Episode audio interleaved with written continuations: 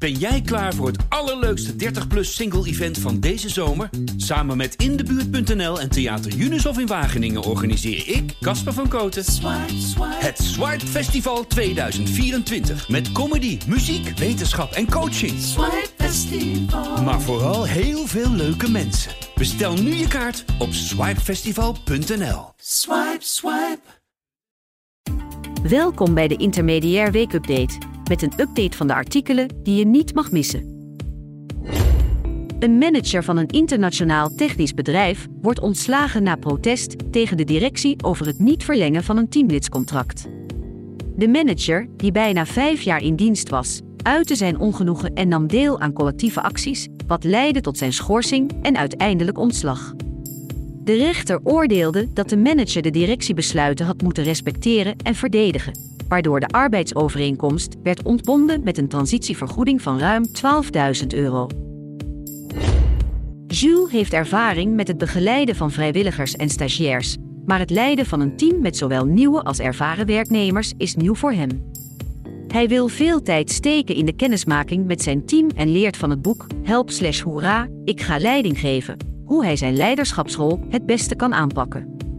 Adviezen die hij meekrijgt zijn onder andere het doen van zelfonderzoek, het maken van een goede eerste indruk, het individueel kennismaken met teamleden en zichtbaar zijn voor zijn leidinggevende. In 2022 vonden 125.000 van de 260.000 mensen met een arbeidsbeperking in Nederland geen werk, 3400 minder dan in 2021. Een arbeidsbeperking, die zowel fysiek, mentaal, emotioneel als cognitief kan zijn, beperkt iemands werkvermogen. Het UWV beheert een doelgroepregister om werkgevers te helpen potentiële werknemers met arbeidsbeperkingen te vinden. Maar ondanks dit register ervaren veel mensen met een arbeidsbeperking moeilijkheden bij het vinden van werk.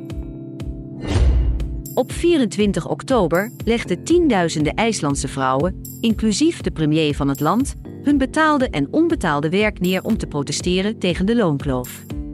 Ondanks dat IJsland op de eerste plaats staat in de Global Gender Gap Index van het World Economic Forum, verdienen vrouwen in sommige sectoren nog steeds minstens 20% minder dan mannen volgens Statistics Iceland. Hoewel Luxemburg het enige Europese land is waar vrouwen gemiddeld meer verdienen dan mannen, wijst econoom Sophie van Gool erop dat het bruto loon niet de enige factor is om te overwegen bij het evalueren van gendergelijkheid. Arbeidsparticipatie van vrouwen en toegang tot kinderopvang zijn ook belangrijk. De jaarlijks terugkerende loonkloof blijft ondanks tegenstand bestaan, volgens Emma Lok van Wimme Inc. Ze spoort aan dit tijdens de verkiezingen aan te pakken. Werkende vrouwen verdienen nog steeds 13% minder dan mannen. Equal Pay demarkeert symbolisch dat vrouwen voor jaarseinde gratis werken als dit zo doorgaat. Politiek kan dit aanpakken. Ongelijke beloning en sectorverschillen zijn oorzaken. Veranderingen zijn nodig in zorgverdeling, discriminatie en bedrijfsbeleid. Gratis toegankelijke kinderopvang en gendergelijkheidsplannen in bedrijven zijn cruciaal.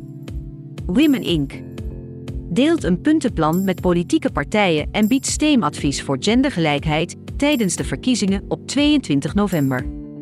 Fix het systeem, niet de vrouwen. Dit was de weekupdate van Intermediair. Lees en luister alle artikelen via intermediair.nl. Ben jij klaar voor het allerleukste 30-plus single-event van deze zomer? Samen met Indebuurt.nl en Theater Unisof in Wageningen organiseer ik, Casper van Koten, het Swipe Festival 2024. Met comedy, muziek, wetenschap en coaching. Maar vooral heel veel leuke mensen. Bestel nu je kaart op swipefestival.nl. Swipe, swipe.